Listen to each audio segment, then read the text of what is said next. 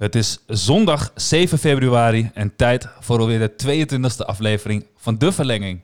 De wekelijkse podcast over voetbal en over Ajax die te beluisteren is via al jouw favoriete podcastkanalen.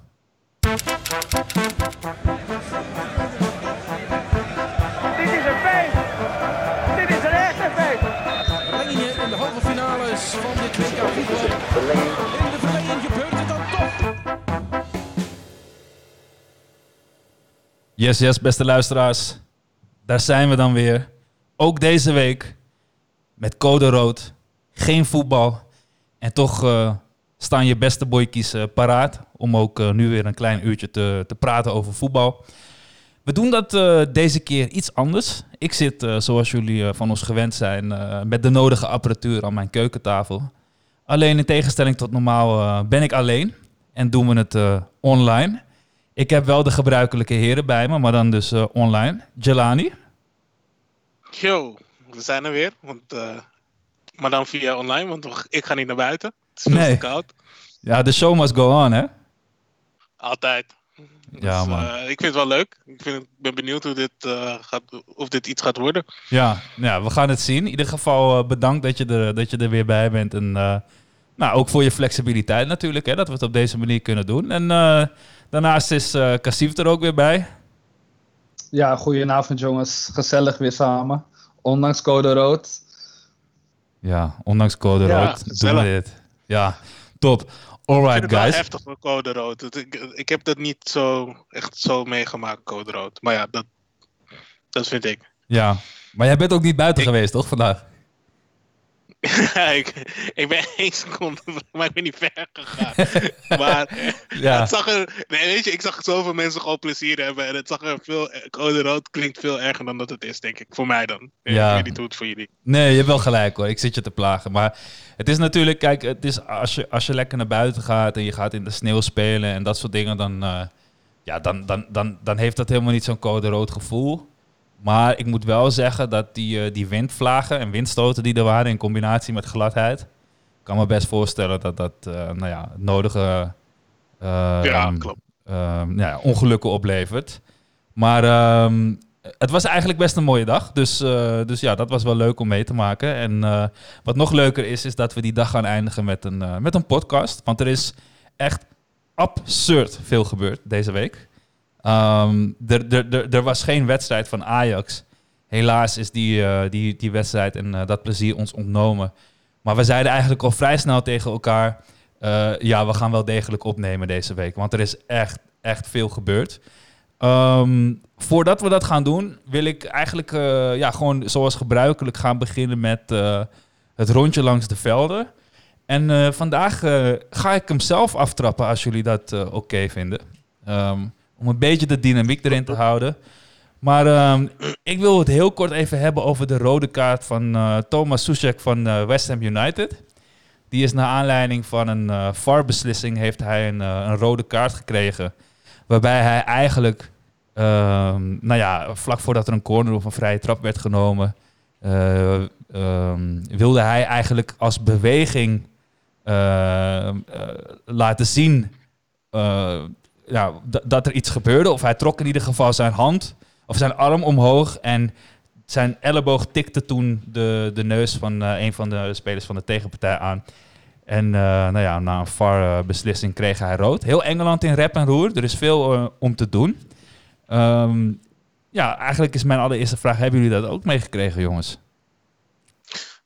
Ik heb het zelf niet meegekregen, maar eh, hoe je het beschrijft klinkt het best wel heftig. Maar ik heb sowieso in Engeland vaak het gevoel dat dat, dat eh, heel heftige... Ik vind dat ze minder, eh, de VAR minder in de wedstrijden aanwezig zijn. En, en als ze aanwezig zijn, dat ze best wel hele rare beslissingen nemen vaak, vind ik. Ja, En dat he- heb ik ook te, te merken. Ik weet niet of jullie dat ook hebben meegemaakt met Martial, volgens mij was het. Tijdens Tottenham, volgens mij. Ik heb dat niet eh, gezien. Jij wel, Chief? Eh, nee, nee. Volgens mij was het Tottenham tegen Manchester United, als ik het goed heb. En toen was het Martial die eh, volgens mij ook een soort gelijk iets had gedaan. Waarbij hij werd aangetikt door, eh, ik weet niet meer door wie, maar door een, iemand van Tottenham volgens mij. Waardoor hij daarop reageerde en een soort van klein stootje teruggaf. En hij een rood voor kreeg, maar zijn tegenstander geel. Ja, Terwijl die het eigenlijk had eh, uitgelokt, in mijn opinie. Maar ik moet ook even, even terugkijken hoe dat eh, precies in elkaar zit. Maar er waren heel veel momenten dat ik het echt eh, bij de VAR... Heel dat ze heel opmerkelijke beslis- beslissingen nemen ja. in Engeland. Ja, in Engeland is er, is er... Kijk, Engeland is sowieso natuurlijk... staat bekend om iets harder voetbal ook. Als je het vergelijkt met, met hoe dat in Nederland gaat. Ehm, dus Ja. dat is al een eerste verschil. En daarbij komt dat... ehm, dat de beslissingen die dan door de VAR teruggedraaid worden... vaak ehm, ja, gewoon heel ongelukkig zijn. En, eh, en daarmee ook heel veel impact hebben in het medialandschap. Het staat echt onder, onder op een grootglas. En dit was dus... Ja, of hij deed het per ongeluk of hij zag hem niet. Ik, ik kon het niet goed zien uit het fragment. Ik heb namelijk niet de hele wedstrijd gezien. Maar het leek alsof hij alsof die wi- wilde voordoen van ja, hij, hij, hij doet een. eh, dat hij zijn arm optrok en net op dat moment liep, liep een speler langs. En dat was in neutrale eh, positie, dus dat was voor de corner genomen met een heel klein tikje. Ehm, en zelfs de spelers van, eh, van de tegenpartij die hadden ook zoiets van: eh, ja, dit is, dit is toch helemaal geen kaart, jongens. Dus ehm, ik vond het opmerkelijk en ik vond het ook frappant omdat, omdat ik het gevoel heb dat het in Engeland veel meer een issue is dan dat het in Nederland is. En ehm, eh, daar zijn ze echt klaar met de VAR. Ik heb het gevoel dat we in Nederland er wel wat positiever in staan. Ehm, ja. Ja, het is gek eigenlijk dat, dat, dat we eigenlijk gewoon eigenlijk altijd de VAR meestal wordt afgekraakt voor eh, bepaalde dingen. Maar als de VAR in eh, sommige wedstrijden er niet is en dan, dan missen we wel de VAR. En dan wordt er wel gezegd van hé, hey, waar, waarom, is de VAR, waarom is de wedstrijd? Bijvoorbeeld in de Europa League zie je dat vaak. Ja. En dan denk je echt van oh, Ja. waarom, eh, dit is, nu komen ze ermee weg omdat er geen VAR is. Dat Klopt. soort dingen. Dus het is eigenlijk nooit goed. Je kan het nooit goed doen. Je doet het of, Nee. voor de VAR dan in ieder geval. Maar ja, denk je- klopt inderdaad. Als er dan een wedstrijd is zonder VAR, dan merk je zo erg het verschil. Dus ja, het is, het is, er zullen altijd wel een paar rare beslissingen tussen zitten. Hopelijk worden die steeds minder. Maar volgens mij was dit het tweede seizoen dat de VAR in Engeland is. En ja, ze moeten het gewoon nog een beetje fine-tunen, denk ik, dat hele proces. Ja. En maar Chief, eh, als je de eindafrekening opmaakt, denk je dan wel dat de VAR inmiddels het voetbal wel eerlijker heeft gemaakt? Ja, zeker, tuurlijk, tuurlijk. Soms is het eh, een beetje mierenneukerij. Maar eh, ze kijken wel altijd gewoon heel goed naar, eh, is het nou wel of geen buitenspel? Dus het is sowieso een verbetering met wat we vroeger hadden natuurlijk. Daar ben ik wel zeker van overtuigd. Het kan wel beter nog steeds. Alright, nou ja, duidelijk verhaal. Uh, nou ja, gewoon tot zover mijn, mijn puntje voor het rondje langs de velden. Ehm, nou, dan geef ik het woord aan, aan Chief. Ik ben benieuwd wat jij uh, ter tafel gaat brengen vandaag. Ja, zeker. Ik heb um, natuurlijk door al het nieuws van Ajax... Uh, heb ik een beetje een switch gemaakt in mijn hoofd naar een, hopelijk een, een EK aan het einde van de zomer. Of in de zomer eigenlijk, moet ik zeggen. En Memphis Depay doet het gewoon ontzettend goed bij Lyon. Twee keer gescoord dit weekend tegen Strasbourg. 3-0. En 13 goals inmiddels gemaakt. Hij speelt gewoon goed. En ja, hij is toch wel onze leider voorin in het Nederlands elftal. uh, bij het eerstvolgende eindtoernooi. En het is gewoon goed om te zien dat hij na zijn blessure toch wel redelijk in vorm begint te raken. En uh, we gaan hem echt ook nodig hebben. Dus ik ja. wilde hem gewoon eventjes uitlichten. En uh, ja, gewoon goed om te zien dat hij, uh, dat hij gewoon zijn goals blijft maken en belangrijk is. Is hij, is, hij is Benzema voorbij, hè, geloof ik, op de topscorerlijst. Klopt, dat ook inderdaad, ja. Klopt, dat, goed dat je het aangeeft. Nee, hij is Benzema voorbij inderdaad. En ja, dat is toch wel een redelijke mijlpaal uh, bij Lyon ook.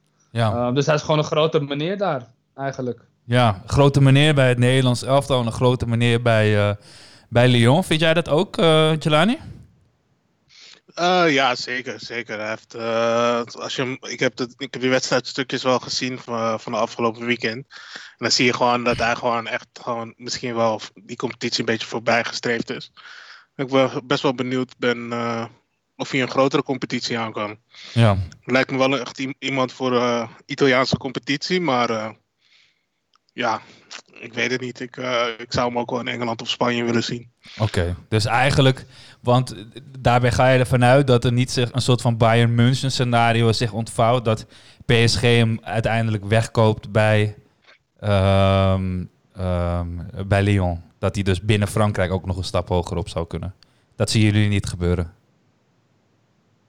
Uh, Ehm, ja, nou ja, dat- ik durf nooit, zeg nooit nooit, maar eh, ik, ik, ik, ik eh, denk dat hij ook zelf aan toe is naar een andere competitie. Maar eh, ik, ik, ik weet niet. Ik weet niet hoe hij daarin in staat. Maar eh, ja, als, als PSG komt met de, de dubbele salaris, ja, dan zal ik ook wel gaan, denk ik. Dus, Ja, en hij is, hij is dikke maatjes met, eh Met Neymar, toch? Neymar, hè? Ja, precies. ja, ja. Het is een hele story. en Instagram stond vol met eh, hoe Neymar wel een, eh, een goed, goed vriendje van hem was. En dat hij jarig was en zo. En Ja, Het wordt allemaal een beetje overdreven eh, ge- gezocht. Maar ja. blijkbaar zijn ze vrienden van elkaar. Dus eh, hij zal vast wel met Neymar samen willen spelen. Die waarschijnlijk zijn contract gaat verlengen ook. Ja. Oké. Nou ja, cool. Ehm, heel erg benieuwd waar Memphis, of eigenlijk hoe Memphis voor de dag komt deze zomer. Want wat, wat eigenlijk heel bijzonder is, is dat we inmiddels alweer vergeten zijn dat hij eigenlijk nog geen half jaar geleden een super zware blessure heeft gehad. Dat is toch opmerkelijk, toch? Dat, eh, de, de, die, die jongen die zou eigenlijk, eh, of hoogstwaarschijnlijk zou die het hele EK vorig jaar niet hebben gehaald. En nu hebben we het over hem dat hij het ontzettend goed doet. En in jullie verhaal van jullie beiden is geen één keer het woord blessure voorbij gekomen. Dus het is wel opmerkelijk dat, dat, dat hij dat. Ja. Hij heeft dat eigenlijk alweer echt achter zich gelaten, kun je daarmee wel stellen. Ja, ik vind dat hij heel sterk is teruggekomen daarin. En eh, eh, we hadden het ook niet verwacht dat hij zo sterk en zo snel eh, zou revalideren. Maar hij heeft het wel echt gedaan. En het lijkt net alsof, alsof er nooit iets is gebeurd. Meestal, hebben, mees- meestal hebben spelers wel eens een tegenslag. Ja, Of ehm struggelen ze nog met die blessure. Maar bij hem lijkt het alsof het eh, niet... eh, Ik moet wel zeggen dat hij de afgelopen, volgens mij, afgelopen vier wedstrijden daarvoor of zo, drie wedstrijden daarvoor niet had gescoord. ja, Dus dit was ook wel echt een eh, opluchting voor hem, denk ik. ja. Nee, dat dus is waar. hij, is, hij, is, hij, is gewoon, hij is gewoon heel sterk bezig. En ik denk dat hij daarin ook echt, echt dit jaar... Ik denk dat dit echt zijn laatste jaar wordt. En, ik dacht, dacht het vorig jaar eigenlijk al. Maar vanwege zijn blessure was het een beetje anders. Maar eh, ik denk dat dit wel echt zijn laatste jaar wordt. Oké, bij Lyon. Dat weet ik dus. eigenlijk wel zeker, want hij is transfervrij. Dus Ja. ja. ja, interessant man. We gaan, we gaan zien hoe dat zich ontvouwt. Eh Jelani, had jij ook nog een puntje voor eh, het rondje langs de velden? Ja, die van mij wordt Arne Slot. Ik, Arne Slot heeft een, een, er was een artikel geschreven, of een artikel, er was een interview met Arne Slot over, over ze, hoe die weg was gegaan bij AZ, bij Telegraaf. Mhm. En ik heb Arne Slot zelf niet eh, heel erg hoog zitten. Dat heb ik al meerdere keren aangegeven, volgens mij tijdens de podcast. Eh, ja, ik, ik ben benieuwd. Hij gaat naar Feyenoord. Feyenoord die ik zelf eigenlijk niet in goede doen vind. Qua, qua spelen wel gewoon resultaten behaald. Ja, Eh, maar qua, qua, qua spel is het gewoon heel, heel, heel matig. ja, Uh, paasjes die gewoon. Dat je denkt dat de, dat, dat de B1 van Ajax nog beter paasjes stuurt dan, dan, dan wat in daar in de eerste doen. Mhm. Maar eh, ik ben benieuwd of, of hij daar ook zijn hand eh, naar voren kan brengen. Hij heeft eh, een stukje in een artikel geschreven dat hij, dat hij binnen 30 seconden bij AZ buiten stond. Ehm, niet echt een heel goed gesprek heeft gehad. En eh, zelfs in, in, in de Telegraaf stond zelfs een stukje waar hij zei van ik hecht meer waarde aan de herinnering aan die, aan die samenwerking dan aan wat er daarna vanuit de emotie door hen is gezegd. ja, Dus er is wel wat, zeker wel wat gezegd en er is zeker wat, wat geweest. Maar ik vind ook dat ehm, meneer eh, Eenhoorn en eh, nu ben ik even die andere Huiberts. Huiberts, Max ja. Huiberts. ja, Max Huibers. Huiberts.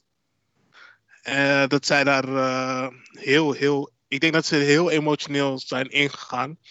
Ja, Eh, een beetje op hun pikkie getrapt zijn. Waardoor ze hem heel snel hebben ontslaan, ontslagen hebben. En ik zie de resultaten bij AZ nog niet beter ervan worden sinds zijn ontslag. Om nee, eerlijk te zijn. Nee, de balans wordt nu een beetje opgemaakt. En Pascal Jansen die doet het, ehm, ehm, nou ja, laten we eerlijk zijn. sommige wedstrijden waren oké, maar de, de, de resultaten over de hele breedte genomen zijn niet goed. Nu was dat aan het Nee. begin van het seizoen natuurlijk ook al niet. Maar ehm, ehm, nou ja, goed. De, de, de, de, het echt opvangen met eh, deze trainer was een risico. Inmiddels is ook de assistent eh, weg, volgens mij per direct. Nadat duidelijk werd dat hij eh Arne. Slot zou gaan volgen. Ehm, en om eventjes nog aan te vullen op datgene wat jij zegt, want ik heb het interview ook eh, voorbij eh, zien komen van Arne Slot. Volgens mij geeft hij in het interview ook aan dat bepaalde geluiden vanuit hem na- naar AZ toe over deze transfer ook in de wind zijn geslagen. Dus eh, volgens mij zijn de meningen ook een beetje verdeeld over wat er daadwerkelijk gebeurd is. Ehm, en Ja. ehm, ik vind overigens dat beide partijen er redelijk netjes mee omgaan in de media. Er wordt niet echt met modder gesmeten. Het is het, het, het, het, ja, ieder doet zijn kant Ik- van ik- het verhaal heel erg op de oppervlakte, maar er wordt niet echt, voor mijn gevoel, eh, met modder gesmeten. Vind jij dat niet? Of, eh?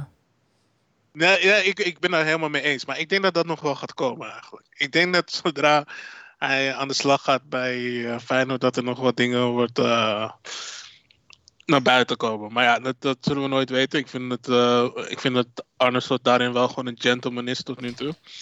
En eh, ik ben benieuwd wat hij gaat doen bij Feyenoord. Hij gaat het, kijk, ik vond dat hij altijd bij John, eh, een beetje de dingen van John van der Brom eh, heeft overgenomen. En zelf niet echt een heel elftal ervan gebouwd heeft. Heeft het wel goed gedaan. Ja, er En, lag al een raamwerk, wil je zeggen.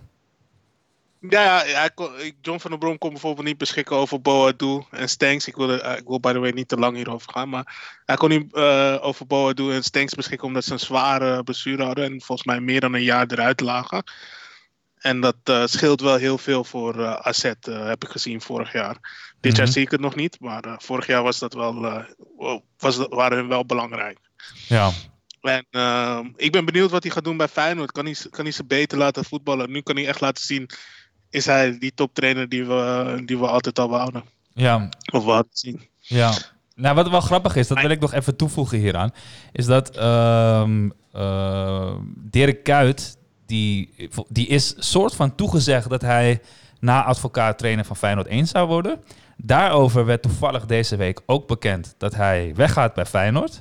En eh, nu heeft inmiddels Frank Arnissen zich ook geuit over deze situatie. En die geeft aan dat het een te groot risico was om Dirk Kuyt trainer te maken van, eh, van Feyenoord.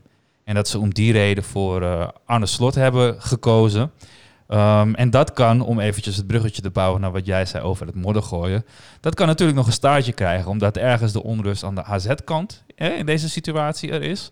Maar die onrust is er blijkbaar ook een beetje aan de Feyenoord-kant. Want, want een van de jongens die die positie toegezegd is, die is nu weg bij de club. En dat is ook wel een persoon met eh, een bepaalde status binnen de club, Dirk Kuyt. Ehm, dus ik ben heel erg benieuwd hoe, hoe zich dat evolueert en hoe, eh, hoe Arne Slot zich gaat manifesteren. En vooral of het voetbal van Feyenoord, los van de resultaten, ehm, wat, wat, wat, wat vloeiender wordt. Wat, ehm, ja, wat mooier om naar te kijken. Want laten we wel zijn, het is een topclub in Nederland en eh, een topclub verdient, eh, verdient goed voetbal. Alright, boys. Ja. Tot zover het rondje langs de velden. Dan wil ik nu eventjes heel kort door eh, het afgelopen Eredivisie weekend lopen. En ik heb er zowaar een, eh, een, kleine, een kleine jingle voor gemaakt. Jawel, ik heb mijn huiswerk gedaan, zeker weten. Ehm, ik heb overigens niet het hele geluidje genomen, want ik weet niet hoe het zit met copyright en zo, weet je. Dus een kleine stukje. Eh, willen jullie hem nog een keer? Zal ik hem nog een keer doen? Let's go. Ik wil even nog een keer. Dan, tjaka. Lekker.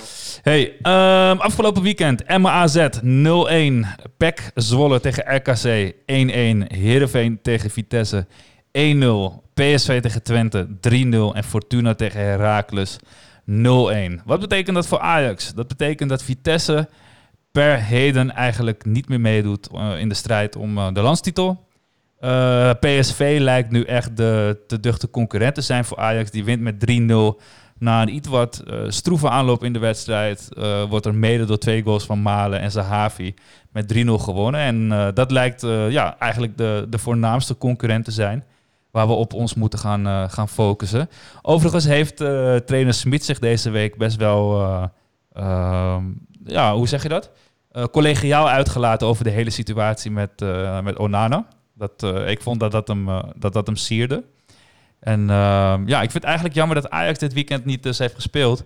Want dan hadden we een veel beter beeld eh, waar we nu stonden. Ja, of dat we nog steeds die zeven punten voor staan. Of dat het er inmiddels eh, vier of, eh, of minder zijn.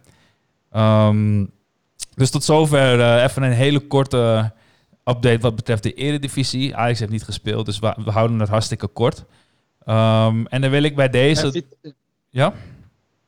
Ja, Vitesse toch wel echt definitief eruit, eh, boys. Ik denk niet dat Ja. ze serieus meer hoeven te nemen. Dat wilde ik nog even extra aankaarten, toch? Ja, nee, nee. top dat is- 5, als, als ze in de top 5 eindigen, is het goed voor ze, denk ik, toch? ja, Dan mogen Ja. ze blij zijn, toch? Hebben ze gewoon een goed seizoen gehad.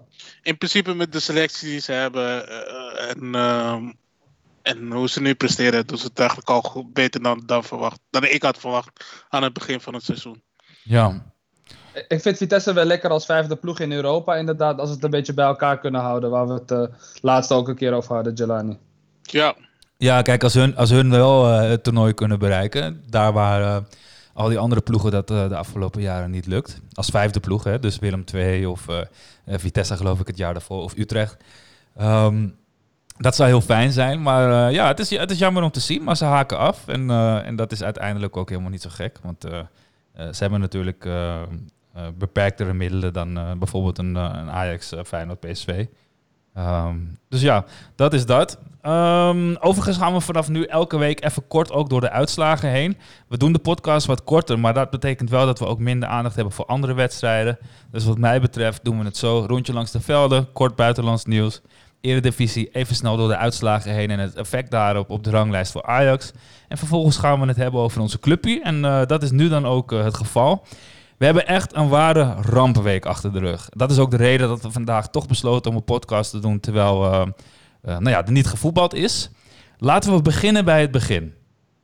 Ergens deze week, aan het begin van deze week, komt er in het nieuws een artikel dat eh, Brian Bobby, en dat was vlak na het verstrijken van de transfer deadline, dat hij, dat weggaat bij Ajax en dat hij eh, transfervrij zal vertrekken aankomende zomer. Kassif, jouw eerste gevoel?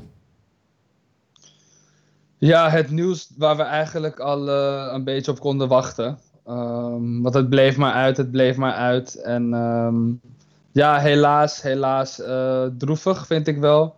Maar goed, als hij deze keuze maakt en hij vindt dat hij zichzelf er- er- ergens anders beter kan ontwikkelen, dan moet hij het maar doen, helaas. En eh, blijkbaar heeft Ajax er alles aan gedaan, ook volgens zijn zaakwaarnemer. Ja, Ehm, dus ja, wat, wat moet je dan nog zeggen, Stacey? Ja, eh, jammer, maar eh, veel succes waar je ook heen gaat. Maar je bent geen Ajaxiet voor mij in ieder geval. Dat wel.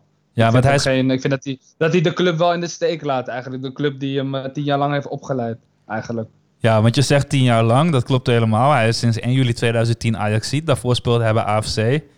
Ook nog eens een jongen uit de buurt. ehm, waarin toch wel degelijk ook heel veel vertrouwen is uitgesproken. Ehm, dus ja, ergens voelt het als onbegrijpelijk. En ergens voelt het juist ook wel weer... ehm, ja, hij kijkt waarschijnlijk naar de situatie bij Ajax... met, met het aantal spitsen dat de afgelopen jaren is doorgebroken. Ehm, en, en denkt er het zijne van. Ja, hoe, hoe, hoe zie jij dat, Jelani? Wat denk jij dat voor, voor Bobby de reden is om, eh, om die stap nu niet te zetten en bij Ajax een nieuw contract te tekenen? Ehm, wat, wat hem, waarom hij weggaat? Sorry, ik snap, ik snap even de vraag niet. Nou ja, eh, Brian Bobby gaat dus weg aankomende zomer. Ja? Hij gaat geen nieuw contract tekenen. En wat denk je dat in zijn ogen de reden is om, eh, om deze keuze te maken? Oké, oké. Ik dacht juist eh, andersom dan je bedoelde. Maar eh, ja, nee, ik, eh, ik, ik, ik, ik weet het eigenlijk niet zo goed waarom hij deze keuze maakt. Dus ik, ik, vind het wel jammer. Ehm, ik denk dat heel veel topclubs misschien eh, ehm, ehm, aan hem trekken. En ik denk dat ook zijn zaakwaarnemer gewoon een heel grote rol daarin speelt. En ja, ik denk dat dat, dat die factoren bij elkaar, dat, dat ja, eigenlijk, het, het is geen verrassing voor ons. Nee. Het is wel jammer. Ja. Maar het, is, eh, het is geen verrassing. Kijk, wat het, wat het voor mij eh. is, is... ehm, eh, dit komt naar buiten vlak na het verstrijken van de transfer deadline. En na het verstrijken van die deadline kunnen we basically concluderen... ehm, een andere club kan hem niet meer halen. Dat gaat niet gebeuren, want de deadline is voorbij. Ehm, en daarnaast, ehm, doordat hij nu transfervrij is, kan hij...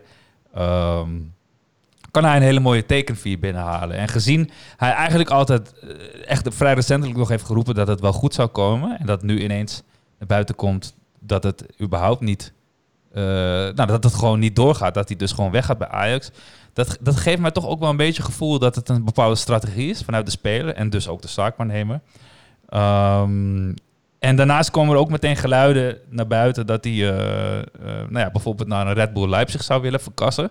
Ik heb een eh, fragmentje uitgekozen naar aanleiding van dit onderwerp. Twee fragmenten zelfs. En ik ben benieuwd naar jullie mening hierop. En ik ga eerst jou om je mening vragen, Chief. Het is een fragment van eh Sjoerd Massou in, in de Algemeen Dagblad Voetbalpodcast. En nou ja, ik zou zeggen, luister even naar. Kijk, dat die Bobby weggaat, ik zou me daar niet zo druk om maken als Ajax-supporter eerlijk gezegd. Nee? Waarom niet? Nee, nee. Ja, god, is het nou een wonderspits? Nou, dat eh, moet allemaal nog maar blijken. Er komen ieder jaar komen er eh, eh, spelers uit de opleiding van de Ajax waar, waar je van kunt denken, nou, die kan het redden of die kan het niet, die kan het niet redden. Maar dit was gewoon een twijfelgeval nog. Een twijfelgeval nog. Wat vinden we daarvan, eh Chief? Nee, nee, daar ben ik het mee oneens eigenlijk. eh. Nee, ik, eh, hij is al eigenlijk jarenlang wordt hij gezien als de, de grote belofte. Eh, ook in de Youth League enorm goed gepresteerd. Ook met, eh, met Unuvar en Taylor en, eh en. En nee, Ajax wilde hem heel graag behouden. Eh, zojuist is ook bekend geworden. nou ja, Yuri Mulder heeft dit gezegd bij Rondo. Dat Ajax hem een miljoen euro op jaarbasis heeft aangeboden.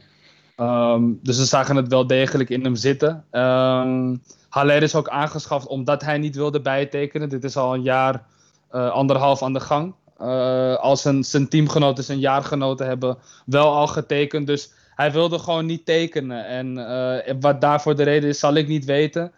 Ik vind het een beetje een rare beslissing. Ik kan me niet voorstellen dat hij zoveel meer gaat verdienen bij, bij een Red Bull Leipzig of bij een Borussia Dortmund, wat je ook wel hoort. Ik denk niet dat ze hem daar gelijk 3 miljoen per jaar geven. Dus waarom ga je eigenlijk weg? Ja, ik weet het niet. En misschien is het wel de trainer. Hè? Uiteindelijk is het altijd weer uh, dat het om Ten Hag bij mij. Dus uh, misschien is het wel de trainer, jongens. Zit die er daar gewoon niet in zitten. Who knows? Maar ik vind het gewoon een hele vreemde move eigenlijk. Ik en ik hoorde, vind dat, het wel jammer. ik hoorde dat bonussen ook heel veel uh, mee te maken heeft. Met de bonussen die ze dan uitkeren aan het einde van het jaar. Dat die uh, vaak in de andere competities wat groter is of hoger. En uh, ja, dat, dat is wat ik uh, meekreeg. Maar ja, ik vind het wel uh, jammer. Ja. Maar ben je het eens Vooral met, met, uh, met Sjoerd? Dat, dat, het, dat, het een, dat het een jongen is die, die, die, nog een twijfelgeval is? Eh, Kijk, ja, in, in, ik vind dat hij nog te weinig heeft bewezen in het eerste van Ajax. Dat, dat, dat, kunnen zeggen dat het echt een aderlating is. Maar ik maar, vind wel maar... dat we ik vind wel dat, dat, dat, dat het wel jammer is. Want je ziet wel dat die, dat die jongen talent heeft. En uh, je, je ziet hem wel graag uh, ja, naar het eerste doorstoten. En dat hij, gewoon, dat hij het gewoon haalt. En de laatste weken zag je dat wel gewoon een beetje in hem. Dat hij het in zich heeft om gewoon die spits misschien uh, voor Ajax te worden. Oké. Okay. Maar en het, zou, het is ook leuk omdat het gewoon zo lang geleden is dat er echt een spits van Ajax naar, bij de eerste is. Uh, ja. Of de eerste spits is geworden bij Ajax. Ja. Ja, en er is natuurlijk nog een ander talent. Uh, volgens mij heet hij Dijkhoff. naar Borussia Dortmund gegaan. Wat zeg je? Rijkoff. Rijkoff, sorry. Rijkoff. Ja. ja, dus nou ja, dan is het zeker spijtig. In datzelfde interview, of eigenlijk in diezelfde podcast, zei uh, dezelfde Sjoerd zei nog iets, heel, iets anders interessants. En dat ging eigenlijk over zijn zaakwaarnemer. En dat wil ik nog eventjes uh, erbij halen. Uh, ik richt me weer tot jou, Chief. en daarna natuurlijk ook tot Jelani. Ik ben benieuwd wat jullie van dit vinden. Weet je wat het is? Hij heeft Rayola als zaakwaarnemer, hè? Mm -hmm. En Rayola, daar zie je een bepaald patroon in. Die heeft een aantal spelers die zijn gewoon wereldtop. En daar, uh, die brengt hij ook naar de allerbeste clubs voor geweldige bedragen. En uh, dat onderhandelt hij fantastisch uit. Maar hij heeft ook een hele categorie spelers uh, waarvan je denkt... Ja, het kan ook goed Pek Zwolle worden. Zeg ik altijd maar. En ik schaak Bobby voorlopig toch nog wel een beetje in die categorie. Over zes jaar zit hij bij Pek Zwolle. Ja, maar dat Alleen... zegt dat... dat... Ja, dit is een vrij, uh, vrij uh, lompe opmerking. Ik heb, hem, uh, ik heb hem hier gekort. Maar wat hij vervolgens zegt is dat, er een, uh, dat hij met een hele grote groep spelers die, uh, die onder die categorie geschaard worden, dat hij die eigenlijk al uh, voor hun eerste grote contract bij hun eerste club ehm, eh, laat tekenen bij andere Europese clubs. Zodat ze, voordat ze bij het niveau van PEC Zwolle terechtkomen, wel al een kleine rondreis hebben gemaakt bij, eh, bij andere clubs in het buitenland. Eigenlijk wat je nu bij Kluivert ziet. Hè. Eerst naar AS Roma, vervolgens naar Red Bull Leipzig. En dat ze uiteindelijk dus toch terechtkomen bij die clubs à la PEC Zwolle. Ehm, zou dat misschien een verklaring kunnen zijn voor, voor, eh, voor, voor, de, voor, de, voor de keuzes die nu gemaakt worden? Kan het zo zijn dat ze misschien eh, zelf het gevoel hebben dat hiermee de toekomst uh, veiliggesteld kan worden wat betreft financiële inkomsten? En dat ze dat belangrijker vinden dan om het hoogst haalbare binnen de voetballerij te halen? Ja, zeker. Ik denk dat dit een duidelijk duidelijk signaal afgeeft uh, hoe, je, hoe je de wereld benadert. En uh, als je een miljoen kan verdienen bij Ajax en je kan in je eigen omgeving uh, doorgroeien als spits. Alleen ja, blijkbaar ging het gewoon niet snel genoeg voor hem. En wil hij blijkbaar gewoon financieel zo snel mogelijk onafhankelijk spelen. want ja, blessures, hè, dat is altijd wat zaakwaarnemers tegen de spelers zeggen. Ja, je kan morgen je enkelbanden scheuren en dan kan je misschien nooit meer voetballen of je meniscus. Dus ja, ik denk dat hij zich gewoon gek heeft laten maken door Rayola. En um, ik denk dat dat wel duidelijk is. Blijkbaar, ja, als je een miljoen euro kan verdienen per jaar en je bent 19, heb je, je hebt nog niet eens in het eerste echt basis gestaan. Dan, dan ben je toch gek als je dat niet doet, joh. Ja, dan, uh, dan kan je blijkbaar meer verdienen ergens anders. Maar je, er kan geen andere reden zijn dan geld eigenlijk, toch jongens? Ja, ben ik uh, wel mee eens, ja. ja. Ja, ik vond, ik vond wat, uh, wat Shooty zei, vond ik een hele... Uh, het is echt een strategie, hè? Dus nog voordat je bij je eerste club tekent, ga je, ga je eigenlijk bij een, in een topcompetitie tekenen, bij een topclub, niet de absolute top. En, en mocht je dan daar succesvol zijn, dan stoot je door naar de top. Mocht dat niet zo zijn, dan, dan duurt het echt een aantal clubs voordat je op het niveau... Uh, op het eredivisieniveau eigenlijk terechtkomt. En op het moment dat je bij Ajax bijvoorbeeld je eerste contract tekent, maar dat lukt niet dan is de kans groot dat je eigenlijk de, de club daarna eigenlijk alweer op eredivisieniveau is. Dus financieel gezien is deze strategie uh, biedt meer financiële zekerheid. Um, en we moeten dat niet vergeten, hè, voor hetzelfde geld slaagt hij bij een Red Bull Leipzig of bij een vergelijkbare Europese topclub. Uh, ja. Nogmaals, niet de absolute top, maar wel een topclub. Um, dus er valt zeker wel wat voor te zeggen. Um, nou ja, tot zover het hoofdstuk uh, Brian Brobby. Toen kwamen we weer iets verder in de week. Nou, wat, wat, wat zal het geweest zijn? Dinsdag, woensdag. En toen, uh, toen werden de selecties door de UEFA bekendgemaakt. En een uh, ja, oplettende uh, bezoeker van de website, of een fan, hoe je het wil noemen... die viel op dat Sebastian Haller er niet tussen stond. En niet veel later werd het, werd het ja, wereldnieuws in Amsterdam, als ik het zo mag zeggen... dat de duurste aankoop alle tijden niet is ingeschreven voor het Europa League toernooi. Ajax deed er vrij nonchalant over en gaf aan dat ze uh, eerst even gingen kijken waar dit mis is gegaan. Ik denk dat Ajax al vrij snel door had dat de fout bij Ajax zelf lag. Um, en uh, Erik ten Hag noemde het in de persconferentie van afgelopen uh, donderdag of vrijdag, noemde hij het een kwestie van vinkjes plaatsen. Wat vinden we daar nou echt van, Jelani? Ja, dit is wel een uh, grote fout. En ik weet niet hoe dat uh, tot stand komt. Want van wat ik heb gelezen is dat je het gewoon dubbel moet checken. Dat je het eerst inlevert volgens mij bij uh, de FIFA. De FIFA stuurt het naar de KVB. De KVB stuurt het weer terug naar Ajax. En vervolgens stuurt Ajax het weer op naar wie dan ook. En dan betekent dat je het gewoon twee keer nacheckt en twee keer over zijn naam hebt gekeken. Ja, het is triest. Het is echt triest. En ja, voor mij mag gewoon uh, mogen de koppen rollen. maar ja, dat uh, vind ik. Ja, ongelooflijk toch? Dus je voegt Idrissi nog wel last minute toe. En je haalt Jensen eruit, want die is naar Noordjeland, uh, aan Noordjeland verhuurd. Ja. En Huntelaar haal je eruit, want die is naar Schalke. En je zet Haller er gewoon niet bij. Ja, dat is wel echt...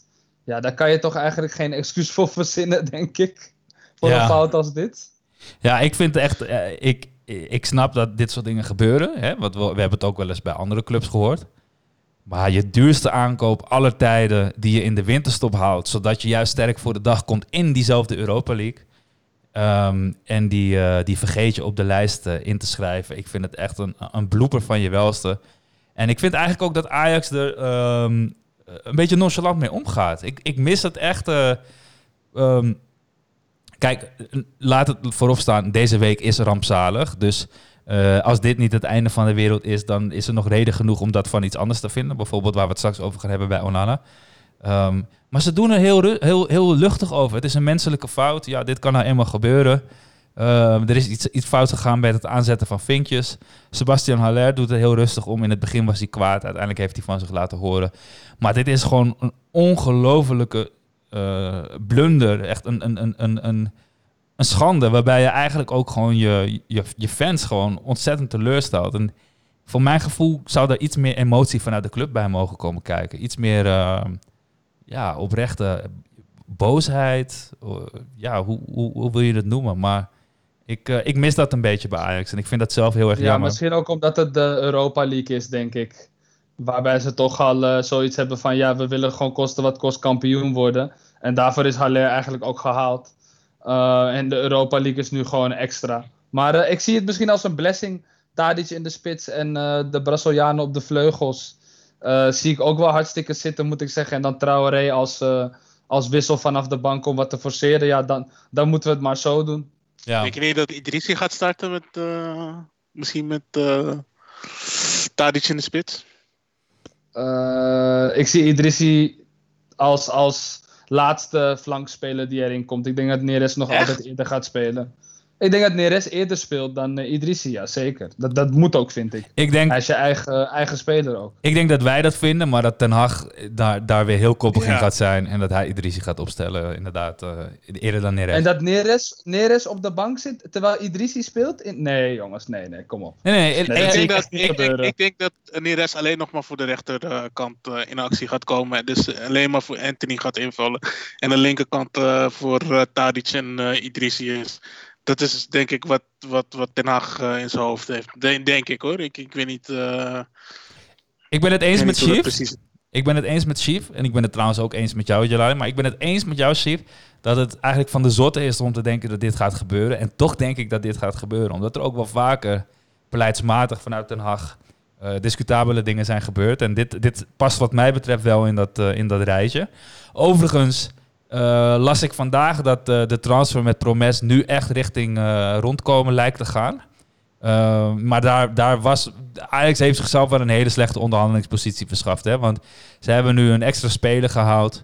Waarbij het voorin eigenlijk echt veel te druk is geworden. Um, en ondertussen uh, bleek dat de deal met, met Spartak, die eigenlijk uh, eerst zo goed als rond leek, bleek toen een bepaalde kink in de kabel te zitten. Afgelo- een aantal dagen geleden werd dat bekend. Um, en ja, dan kan je als, als, als, als club waarbij je al een vervanger hebt gehaald en dus eigenlijk te veel spelers hebt. Want op het moment dat Promes blijft en je hebt Idrissi en je hebt Anthony en Neres en Tadic, dan heb je vijf spelers voor op de flanken waarvan je natuurlijk Tadic wel aan de spits kan zetten. Maar dat zijn er gewoon te veel. Uh, ja, daarmee hebben ze zichzelf wel in een, in een lastige positie ge, geplaatst. Want Sparta kan nu natuurlijk een poot stijf houden en zeggen, ja, dit is maar wat we willen betalen. Vind jij dat, vind jij dat een, een domme zet geweest, uh, Chief? Nou, ik, ik vind het niet per se een domme set. Het is meer uh, uiteindelijk slecht uitonderhandeld, zeg maar.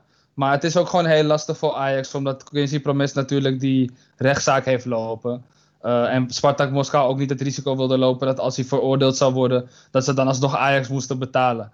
Ik denk dat het vooral daarom ging. Maar als je had gewacht totdat dat rond was, uh, dan had je niemand meer kunnen halen dus uiteindelijk. Dus ik vind het wel goed dat er gewoon, wat dat betreft, gewoon gehandeld is en een eredivisie waardige speler uh, als reservespeler achter Tadic nu hebben. Dus wat dat betreft ben ik er wel tevreden over. Ik uh, vind het wel een goede set en dat met Quincy wordt wel, wordt wel opgelost, denk ik. Um, ik zie natuurlijk liever een jeugdspeler. Maar uiteindelijk is Idrissi gewoon een hele sterke eredivisie waardige speler. Dus wat dat betreft een luxe positie, denk ik. Maar luister, op het moment dat je eigenlijk nu Promes niet kan verkopen, omdat Spartak een, een soort van garantie ingebouwd wil hebben in de deal, waarbij ze niet verplicht zijn om hem over te nemen, uh, mocht er iets gebeuren wat betreft veroordeling. Waarom zou je die deal dan überhaupt aangaan? Want, want dat is toch de voornaamste reden om deze deal aan te willen gaan. Dat je eigenlijk het risico op een veroordeling nu afschuift op een, op een kopende partij. Of, of, of heeft het echt puur met zijn, met zijn vorm te maken? Dat ze echt denken dat, dat hij deze vorm niet meer te boven komt? Ja, ik denk, denk dat. Ik denk dat hij gewoon uh, Ja, ik- hoe hij nu speelt lijkt het alsof hij eh, niet topclubwaardig is. Als een natvloedje, Niet dat mag je best zeggen. ja, precies. En eh, ja, ik, ik, ik, ik weet niet waar het zit. Misschien eh, speelt hij hierna wel bij Spartak de Sterren van de Hemel weer. En eh, ik, ik, ik heb eigenlijk de Russische competitie ook niet veel hoger gescha- ingeschat dan, dan de Eredivisie, om eerlijk te zijn. Ehm vloeit wel wat meer geld natuurlijk binnen die competitie. Maar eh, ja, ik, ik, ik, ik weet het niet. Ik, eh, ik zie het. eh, ja, het halfjaar was wel echt heel slecht van hem. Alleen, ik moet ook zeggen, ja, Ten Hag heeft er ook wel een aandeel in. Die, met zijn beleid. Door Ja, hem op positie. eh, Ja. 10 te zetten en zo. Dat, dat hij gewoon niet aan kan. Hij kan, de, hij kan de nummer 10 niet aan. En toen ik hem tegen AZ weer op de flank zag, dacht ik wel van... Oké, kijk, hij is gewoon echt een flankspeler. Je kan er niet omheen. Het is echt een flankspeler. Hij was niet de superwedstrijd van hem. Maar je ziet Nee. gewoon aan hem, het is gewoon echt een flankspeler.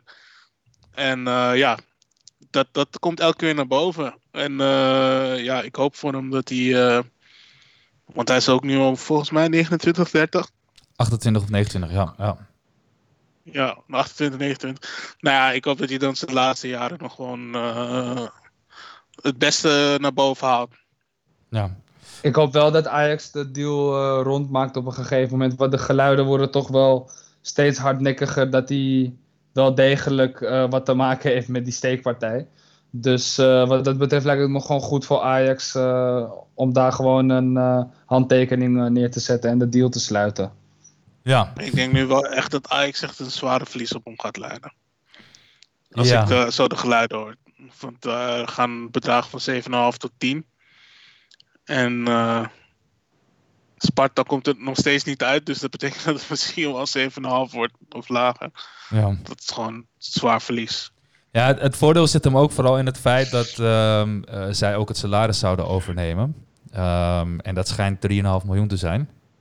Ehm, ja, en daar pak je dan natuurlijk wel ook al forse winst op. Dus ik denk Ja. dat het echt damage control is wat Ajax nu aan het doen is. Overigens wil ik nog één puntje aanhalen over Sebastian Haller. Ik las een artikel over de beste man. En ehm, het schijnt dus nog dat eh, Sebastian eh, momenteel in, eh, in hotels woont. Dat hij nog geen huis heeft in Amsterdam. En zijn familie verblijft in, in Londen. Dat heeft eigenlijk te maken met de aangescherpte coronaregels hier in Nederland. Vervoer vanuit de, de UK naar Nederland licht gecompliceerd. En daarnaast zijn scholen hier niet geopend. Dus was het voor hun nou ja, interessanter om de kids daar op school te houden. Maar wat ik heel erg vreemd vond, is dat hij in dit specifieke interview gaf hij aan dat hij eh, nog in hotels woont, omdat hij door alle drukte sinds zijn transfer nog geen tijd heeft gehad om een huis te regelen. En dan denk ik bij mezelf, dit is de duurste aankoop in je clubhistorie. Deze jongen is zelf te druk om een huis te regelen. Dit moet de club toch uit handen leveren? Hij moet toch gewoon hier, hier binnenkomen en er moet een week later moet er gewoon een huis beschikbaar voor hem zijn. Dat je de eerste paar dagen in een hotel slaapt, snap ik. Maar dit kan toch niet zo zijn dat deze jongen die nu aangeeft dat hij behoefte heeft aan een huis, dat je als club dat niet, hem daar gewoon niet in ontlast en dat dat voor hem geregeld wordt. Waarschijnlijk heeft hij dat gewoon zelf aangegeven, denk ik. Want ah, wat dat betreft is Ajax wel altijd. ehm, eh, zorgen ze wel dat voor huisvesting van hun, eh, van hun spelers. Ik geloof dat Tagliafico, ehm Ziyech, Quincy Promes ook allemaal op de Zuidas woonden. Eh, Ajax heeft meerdere panden daar volgens mij waar ze mensen, waar ze voetballers kunnen plaatsen. Dus ik denk Ja. echt dat hij het zelf heeft aangegeven hoor. Vermoed ik. Maar Oké, ik weet het niet zeker natuurlijk. oké. Ja, want wat ik hoor, want eh, ik ken ook een speler die bij Go Ahead, volgens mij was het Go Ahead waar hij zat, als technisch directeur. Waar hij ook, eh, die werd wel eh, meteen in een huis eh, neergezet. Die kreeg zelfs meerdere huizen aangeboden door Overmars destijds. Op- als optie bedoel Dus als het daar, ja, om daar, om daar te huisvesten. Maar ja, als het daar kan, dan zou het bij Ajax sowieso moeten kunnen. Maar ja, ik weet niet hoe het zit. Misschien is er iets met corona. Ik weet niet. Misschien is het vanuit zijn eigen initiatief ge- gebleken dat hij dat iets anders in, in planning had. Ik weet niet wat. Ja. of Misschien wil hij het samen met zijn vrouw doen en is zijn vrouw niet hier. Ik weet niet wat, wat, Ja, wat het hele idee daarachter is. nee, oké. Nou ja, goed. We, we, we weten niet wat het is. Maar ik vond het een opmerkelijk gegeven. Ehm, nou ja, dan later in dezelfde week. ehm, ja, André Onana. ehm, wat mij betreft het meest vervelende bericht. Uh, er werd bekendgemaakt dat uh, André Onana uh, Lassimak heeft geslikt. Een medicijn dat ook wel bekend staat als uh, furosemide, oftewel een plaspil. Hij is 12 maanden geschorst en de UEFA geeft hierbij aan al rekening te gehouden hebben met verzachtende omstandigheden. Wat is het verhaal? Zijn vrouw was zwanger en hield te veel vocht vast. Daarom had zij deze medicijn in huis. Onana voelde zich ergens in oktober niet lekker, besloot een aspirintje te nemen en nam uh, de verkeerde pil. Um, en vervolgens is hij nu uh, ja, geschorst voor een periode van, uh, van 12 maanden.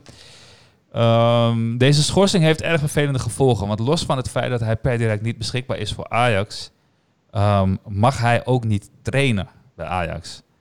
Um, en dat is wel iets waar ik, waar ik, ja, wat ik eigenlijk heel erg uh, raar vind om te bepalen. Ik ben heel erg benieuwd hoe jullie naar die situatie kijken. En, uh, en nou ja, laten we beginnen. Wat was jullie eerste gevoel toen jullie dit hoorden? Ja, het was heftig. Ik kon het eigenlijk niet geloven. Ik dacht dat het echt. Uh, ook, ook als je, dat je het niet achter hem verwacht, eigenlijk, weet je. Je verwacht het achter een Neres of zo. Maar nee, nee, nee. Maar je verwacht het niet achter een Onana. Ik weet niet. Ik, ik verwacht het niet. Het is altijd een uh, jongen die altijd lacht en altijd uh, heel positief uh, in de wedstrijden staat. Ik zie hem nooit boos of zo. En dan is dit wel een hele erge teleurstelling. En het is een positie bij Ajax die eigenlijk zo goed was ingevuld met hem. Ja. En eigenlijk, geen, ik, ik eigenlijk niet echt een backup in één keer zie staan die, die op zo'n niveau kan presteren als hij. En uh, dat, dat, dat is wel echt uh, een zware, zware aderlating. Want ik denk dat hij wel echt een uh, goalkeeper is van Europese klasse. Gewoon van hoog ja. niveau. Ja, die gaan we missen. Dat, dat mogen duidelijk zijn. Maar uh, ja, man. Toen ik het zag, ik zeg je heel eerlijk, ik, uh, ik werd laat wakker die dag. Ik open mijn telefoon en ik zie Onana. Ajax ziet Onana. Ik heb van die pushmeldingen, weet je wel. En ik zie zo'n pushmelding. Onana 12 maanden geschorst. En ik dacht echt, wat gebeurt hier? Er is al zoveel gebeurd deze week. En dan nu ook nog eens dit. Dat, uh, ja, ik vond het echt verschrikkelijk. Dat is meer nieuws wat bij uh, 2020 hoorde eigenlijk. Maar uh, ja. we, we, trek, we, trekken hem gewoon door. trekken ja. hem door. Ja, dat blijkt wel. En ik ben ook heel erg benieuwd hoe ze dat nu gaan doen met, uh, nou ja, met dat trainen. Maar voordat we het daarover gaan hebben, ik heb uh, een, uh, een klein fragmentje weer. En dit keer van uh, Thijs Zonneveld. Thijs Zonneveld is wielerjournalist en heeft ook een achtergrond als jurist. En uh, nou ja, hij is door voetbalprimeur kort geïnterviewd naar aanleiding van uh, doping, zoals jullie wellicht weten. Ja, doping is uh, vrij, ja, heeft vrij lang bekend gestaan als onderdeel van de wielersport. Dus deze Thijs kan daar het een en ander over zeggen. En hij legde eigenlijk de werking van, van furosemide als, ja, als volgt uit. Het is een plaspil, dus ja, wat normaal gesproken waarom het op de dopinglijst staat, is omdat je als je dit gebruikt, dan kun je uh, daarmee een andere vorm van doping camoufleren. Dus stel je gebruikt anabole steroïden en je wilt dat, dat, uh, dat de resten daarvan snel uh, uit je lichaam verdwijnen, dan neem je een plaspil erbij, waardoor je die anabolen bijna niet of een stuk slechter kunt vinden. Van dit, middel, van dit middel ga je niet beter sporten, alleen het kan een middel camoufleren waardoor je wel beter kunt presteren. Ja, en dat is dus eigenlijk de reden waarom het op die lijst met verboden middelen staat. Omdat uh, het middel zelf zorgt er niet zozeer voor dat je beter gaat presteren, maar het zorgt ervoor dat je andere middelen sneller uit je lichaam kan werken doordat je gaat plassen. Um, ja, wat, moet, wat, wat moeten we hier nou mee? Hoe gaan we dit aanvliegen, jongens? Want hij, hij mag dus niet trainen. Het schijnt zelfs dat Ajax ook zijn salaris niet hoeft door te betalen. En er zijn nu twee wegen die te bewandelen zijn. Enerzijds kun je als club heel erg je speler gaan uh, uh, ondersteunen.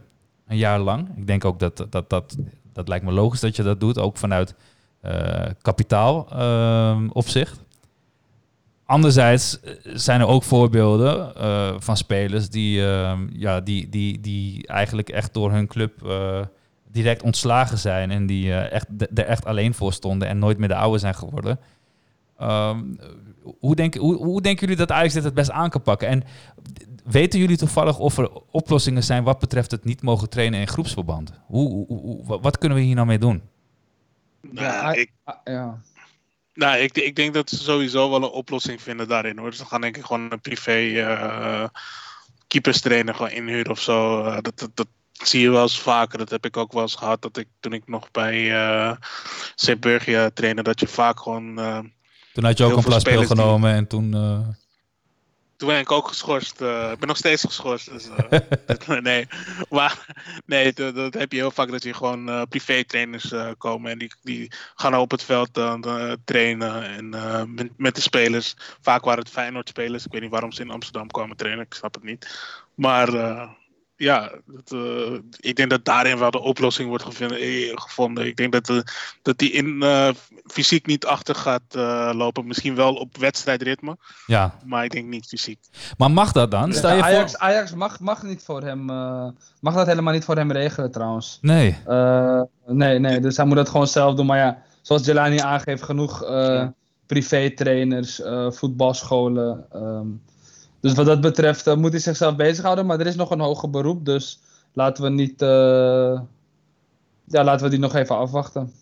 Maar eh, de, eigenlijk zeg jij dus, Chief, hij mag wel trainen, maar hij mag niet trainen in relatie tot Ajax. Dus, hij is, dus als hij gewoon met een personal trainer aan, aan de slag gaat, dan mag het gewoon. Ja, dan mag het gewoon inderdaad. Maar Ajax is zijn club en hij is geschorst voor een jaar. Dus wat dat betreft mag hij niet bij de club trainen of voor de club trainen. Gewoon geschorst van alle activiteiten. Ja, en dan zal waarschijnlijk Ajax wel degelijk een, eh, een, eh, een, een trainer uiteindelijk eh, aandragen. En dan is het toch verkapt, hè? of eh, buiten Ja, de club om natuurlijk. Daarin komt wel een oplossing hoor, denk ik. Dat, eh, dat is denk ik niet het hele grote probleem, denk ik. Ja, het, is, het is toch wel eh, problematisch wat dat betreft dat zijn contract eh, volgens mij over anderhalf jaar eh, uitloopt. Ehm, dus wanneer zijn schorsing voorbij is, als dit blijft staan, heeft hij nog maar een half jaar een contract. Dus uh, dan zal er ook daarna gekeken moeten worden dat hij dan wel gaat verlengen. Want anders eh, bestaat er een kans dat hij gewoon transfervrij de deur uitloopt. En Ehm, dus dat is nog wel iets waarop gelet moet worden. en denk je dat Ajax zegt, hey, wij zijn niet verplicht om jouw salaris door te betalen. Dat willen we best doen, maar dan willen we ook dat je met twee, drie jaar je contract verlengt. Dat zou wel een, eh, een goede onderhandeling zijn, denk ik. Ik denk het ook. Oké. Ik denk dat het wel eh, een van de oplossingen eh, kan zijn. Dat je gewoon zegt van, hé, hey, luister dan, we zijn eigenlijk eh, niet verplicht om je te betalen. En je contract loopt af. Eh, misschien kunnen we een, eh, ergens een weg in het midden vinden. Ja. Maar moet Ajax hem nog wel doorbetalen? Is mijn vraag aan jullie. Want in principe berokkent hij Ajax gewoon schade hiermee. Is hij zelf verantwoordelijk ervoor dat hij geen verboden middelen inneemt? Het is natuurlijk vrij ongelukkig, oogt het. Alleen ja, Ajax heeft wel gewoon een groot probleem nu. Want jij gaat je Stekelenburg zetten, die is volgens mij 38 jaar oud. Eh Scherpen en Kotarski laten eigenlijk eh, zien dat ze er nog niet klaar voor zijn. Eh is best wel een probleem ook als je de Champions League ingaat weer begin volgend seizoen. Want dan mag je ook nog steeds niet spelen. Ja, ik ben het helemaal met je eens, Ja. man. Dat, eh, kijk, het lastige is, hij is super geliefd. En je wilt hem eigenlijk zo lang mogelijk bij de club houden. Dus eh, vanuit dat opzicht bekeken wil je er op een bepaalde manier mee omgaan. Ehm, maar tegelijkertijd wil je natuurlijk ook je, je, je, je, je, je kosten aan deze hele situatie wil je, wil je, wil je waarborgen. Ehm, en op het moment dat je te veel voor dat laatste kiest, dan kan het ook een invloed zijn op de toekomstige arbeidsrelatie. Dus dit is een. eh, Ik denk dat, dat als, als Ajax heel erg het vertrouwen in Onana uitspreekt, dat Ajax ook de wens heeft dat dat vice versa gebeurt en dat daar ook wel een stukje loyaliteit bij komt kijken. Ik denk dat daarin een, een aantal gesprekken gevoerd gaan moeten worden. En ik vraag me ook heel erg af, zo'n schorsing heeft betrekking op trainen, maar, maar mogen dit soort contractonderhandelingen bijvoorbeeld gevoerd worden? Hoe, hoe, hoe, hoe, hoe ziet dit eruit, weet je, de aankomende tijd? Ik ben heel erg benieuwd ja, hoe dat vorm gaat krijgen de aankomende tijd. En ik denk dat het heel bepalend is voor, eh, ja, voor hoe beide partijen deze situatie aan zullen vliegen. Ja, zeker. Ehm, ja, het is even afwachten. En eh, ja, ik, ik, kan me, ik, ik weet zelf ook niet eh, wat wel en niet mag. En eh, wat Ajax wel, wat, wat voor Ajax het beste is en wat voor Araan het beste is. Ik denk dat zij dat beter weten. Maar het is wel een hele zware aderlating. En ja, ik, qua keepers is het. Wordt spannend. Ja, wie gaat de keeper, jongens? Maar wie moet er nu keeper? Ja, wie moet er nu keeper? Ik, ik, ik zou zeggen dat je hetzelfde stap moet nemen als je bij André Onana hebt gedaan. En dat was toen de tijd dat Sillissen wegging. En toen wa- wa- als Diederik de Boer was volgens mij tweede keeper. daarna, daarna zat je volgens Noorden Ablas volgens mij ook nog. En toen heeft, hebben ze gewoon gezegd van, weet je, die de, de boer, we gaan jou gewoon skippen. We gaan gewoon Onana op. We hebben hem gehaald als talent. En in dit geval zou ik gewoon eh eh, Kotarski of eh, ik ben Scherpen. andere, Scherpen gewoon een kans geven. En welke van de twee? Nou, ik denk dat of ik, ik hoor of ik hoor vaker dat Scherpen de, de voorkeur krijgt, dus ik denk Scherpen. Maar ik, ik, ik weet zelf in opzicht niet eh wie Kunnen we de ook gelijk kijken of het wat is, toch? Voor als Ja. Onana weg zou gaan. Eh, misschien staat die jongen wel op. Hij heeft een imposant postuur. En eh, hij leert steeds beter meevoetballen. Dus eh, ja, ik zou zeggen, geef hem gewoon een kans. Ja, precies. En eh, ja, dingen was in het begin ook niet zo goed, eh, Onana, bij Ajax in de eerste paar wedstrijden. Ja, dat hij is eh, vaker. gegroeid tot een wereldtopper. Dat is wel mooi om te zien. Maar ja, dit is eventjes, je moet wel die kans nemen. Want Silas was volgens mij ook midden in het seizoen vertrokken. Volgens mij, of eh, weet ik eigenlijk niet meer. Maar ja, dat was wel, eh, dat is wel beter. Gewoon, gewoon geef de jeugd de kans. Ik denk niet dat Stekelenburg daarin echt de, de oplossing is. Nee. Nee, kijk, het probleem is, wel, het probleem is een beetje, denk ik, dat... ehm, dit, dit schopt heel veel door de war, hè? Want ehm, eigenlijk was het idee, Onana blijft nog een jaar, dan gaat hij weg. En dan kan je een Scherpe of een Kotarski gaan pushen. Maar als je nu een Scherpe of Kotarski pusht, eigenlijk zoals jij zegt, dat ze toen hadden gedaan met Onana, dan betekent het dat straks als Onana terugkomt, dat hun weer een stap terug moeten doen. En dat maakt het lastig. Maar als je Stekelenburg die positie voor een jaar laat oppakken, dan zeg je eigenlijk tegen Scherpen, ja, de aankomende twee, drie jaar is er voor jou in het eerste nog geen plek. En hetzelfde geldt voor Kotarski.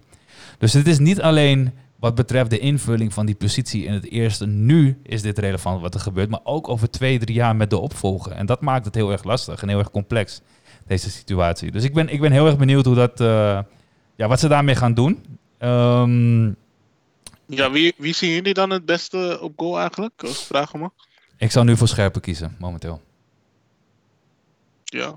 Ja, ik, ehm, ik zou in de, in de Europese belangrijke wedstrijden zou ik misschien Stekelenburg zetten. Eh, en in de competitie gewoon scherpen, inderdaad. Oké. Maar ik zou Stekelenburg, eh, hij heeft ook tegen AZ in de beker gewoon goed gekiept, solide gekiept. En eh, een verdediging heeft ook eh, een leider nodig vanuit achteruit. En eh, helemaal in Europese wedstrijden denk ik dat Stekelenburg wat dat betreft gewoon goed leiding kan geven aan die verdediging. En eh, dat stukje ervaring mee kan, kan brengen in die wedstrijden. Alright, Ja, duidelijk. Daar zeg je ook wat hoor. Want eh, zo'n labiele verdediging die we dit- jaar hebben en, en, en je topkeeper is weg, dat, wordt spannend, zal ik maar zeggen. Vooral Ja. tegen een Lille. Ja, Ja, ik, ik heb dat al uit mijn hoofd gezet, om heel eerlijk te zijn, boys. Dat, eh, ja, echt waar? Ja, zeker weten. Ja. Haller speelt niet en Onana speelt niet. Met alle respect. Maar dan, eh, als het lukt, dan is het mooi meegenomen. Maar ik ga er nu niet meer vanuit dat we dat wel even gaan flikken. Helemaal niet. Lille is nog steeds koploper trouwens van Frankrijk. Dus ja, nee. Dat, ehm, dat, dat, dat, dat is voor mij niet een dingetje. Ik wil eigenlijk even door, Ja. want ik heb nog wat puntjes. Ehm, heel kort, kunnen jullie mij eh, drie, vier spelers noemen die eh, ook op doping betrapt zijn in de voetballerij afgelopen 10 tot 20 jaar? Eh Sacco, van volgens mij eh, Crystal Palace was het volgens mij. Ehm, ik heb, ik heb Douglas, Douglas Yes, die, eh, die genaturaliseerde Braziliaan. yes. Even kijken, wie- ik, ik heb wel een lijstje gezien. Eh, Trippier, Trippier was matchfixing, hè? Ja. Die, eh, die had informatie doorgespeeld. volgens Ja, matchfixing, maar in ieder geval eh, informatie met volkennis was het. Ja, klopt. Zal ik, zal ik even een lijstje noemen? Ik heb een ja, mooi lijstje samengesteld. Edgar Davids, vier maanden geschorst. Jaap Stam, vier maanden geschorst. Frank de Boer, vier maanden geschorst.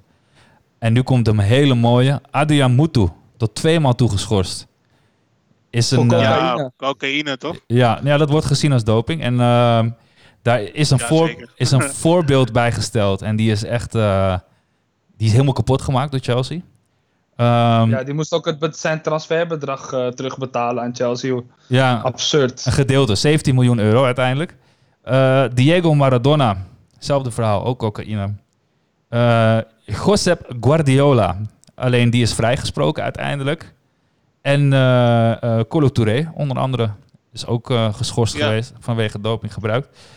Ehm Nou ja, dan gaan we door naar de volgende wedstrijd. eh, voordat we de afsluiten gaan doen. En dat is eh Ajax tegen PSV in de beker. Dat wordt een, eh, een hele mooie pot. Ik weet even niet wie er uit mijn hoofd wie er, eh, wie er uit of thuis speelt. Ik heb wel even opgezocht hoe de laatste tien wedstrijden zijn verlopen. Daarbij eh, is er eh, drie keer een gelijkspel geweest. Eh, heeft PSV drie keer gewonnen en heeft Ajax vier keer gewonnen. En van de laatste vier wedstrijden eh, eh, waren er eh, drie in overwinning voor Ajax. Ehm, dus ja, wat dat betreft, eh, eh, ja, de statistieken zeggen dat Ajax er goed voor staat. Eh, ja, hoe zien, hoe zien jullie dat? Gaat Ajax die pot winnen? Ik heb wel het vertrouwen. Ik heb, het Ja. wel, ik heb wel het vertrouwen, moet ik zeggen hoor. Ik vind eh, Ajax steeds beter spelen. Alvarez op het middenveld lijkt eh, een hele goede set te zijn nu. Hij speelt erg goed, moet ik zeggen. En eh, we hebben ook rust gehad. Ehm, en ja, nee, ik, ik, ik zie wel een, een, een beter Ajax elke wedstrijd weer. Het is best wel slecht geweest de afgelopen maanden, laten we eerlijk zijn. Maar eh, de 0-3 tegen AZ was gewoon degelijk. En eh, ik denk dat we het vanaf nu eh, gaan we het doortrekken omhoog. Ik ben wel positief. Oké, mag ik van jou een uitslag? Eh 3-1 voor Ajax. Alright, Jelani. Ja, ik eh, ben ook wel eh, positief. Ik, eh, ik vind het alleen moeilijk met eh, Onana dat er niet bij is en zo. En eh, dit zijn wel eh, spelers, heeft heel veel aanvallende spelers, dus ze gaan heel wat, eh, ze gaan zeker wel wat kansen creëren. Dus eh, ik ben benieuwd eh, wie op goal gaat en of hij zich staande houdt. En eh, ja, eh, qua uitslag, ik, eh, ik ga dan anders dan Chief pakken. Ik pak gewoon voor de 3-0. Ja. Oké. Oké. Zijn ze eigenlijk uit of thuis? Dat Ja, dat, dat, Thuis, dat, dat, thuis. dat, dat- Oh ja, spelen thuis? Oké. Ja, ik, ik Ja, wist het ja. even niet zeker.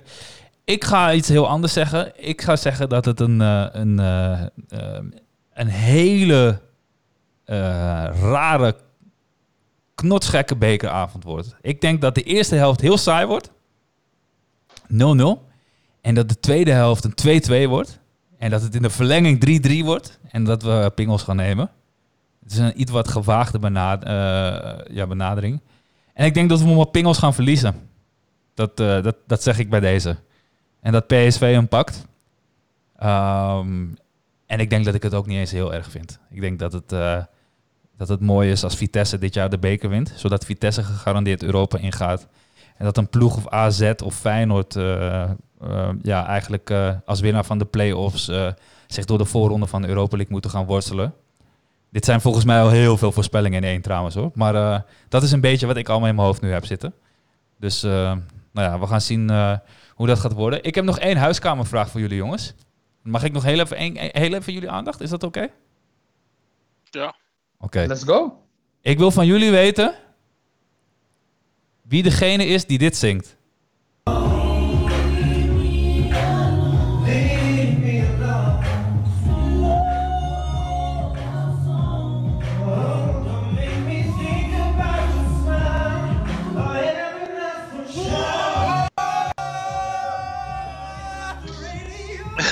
ik, eh, ik heb dit filmpje ook meegekregen. Dus Oké, laat niks zeggen, niks zeggen, niks zeggen.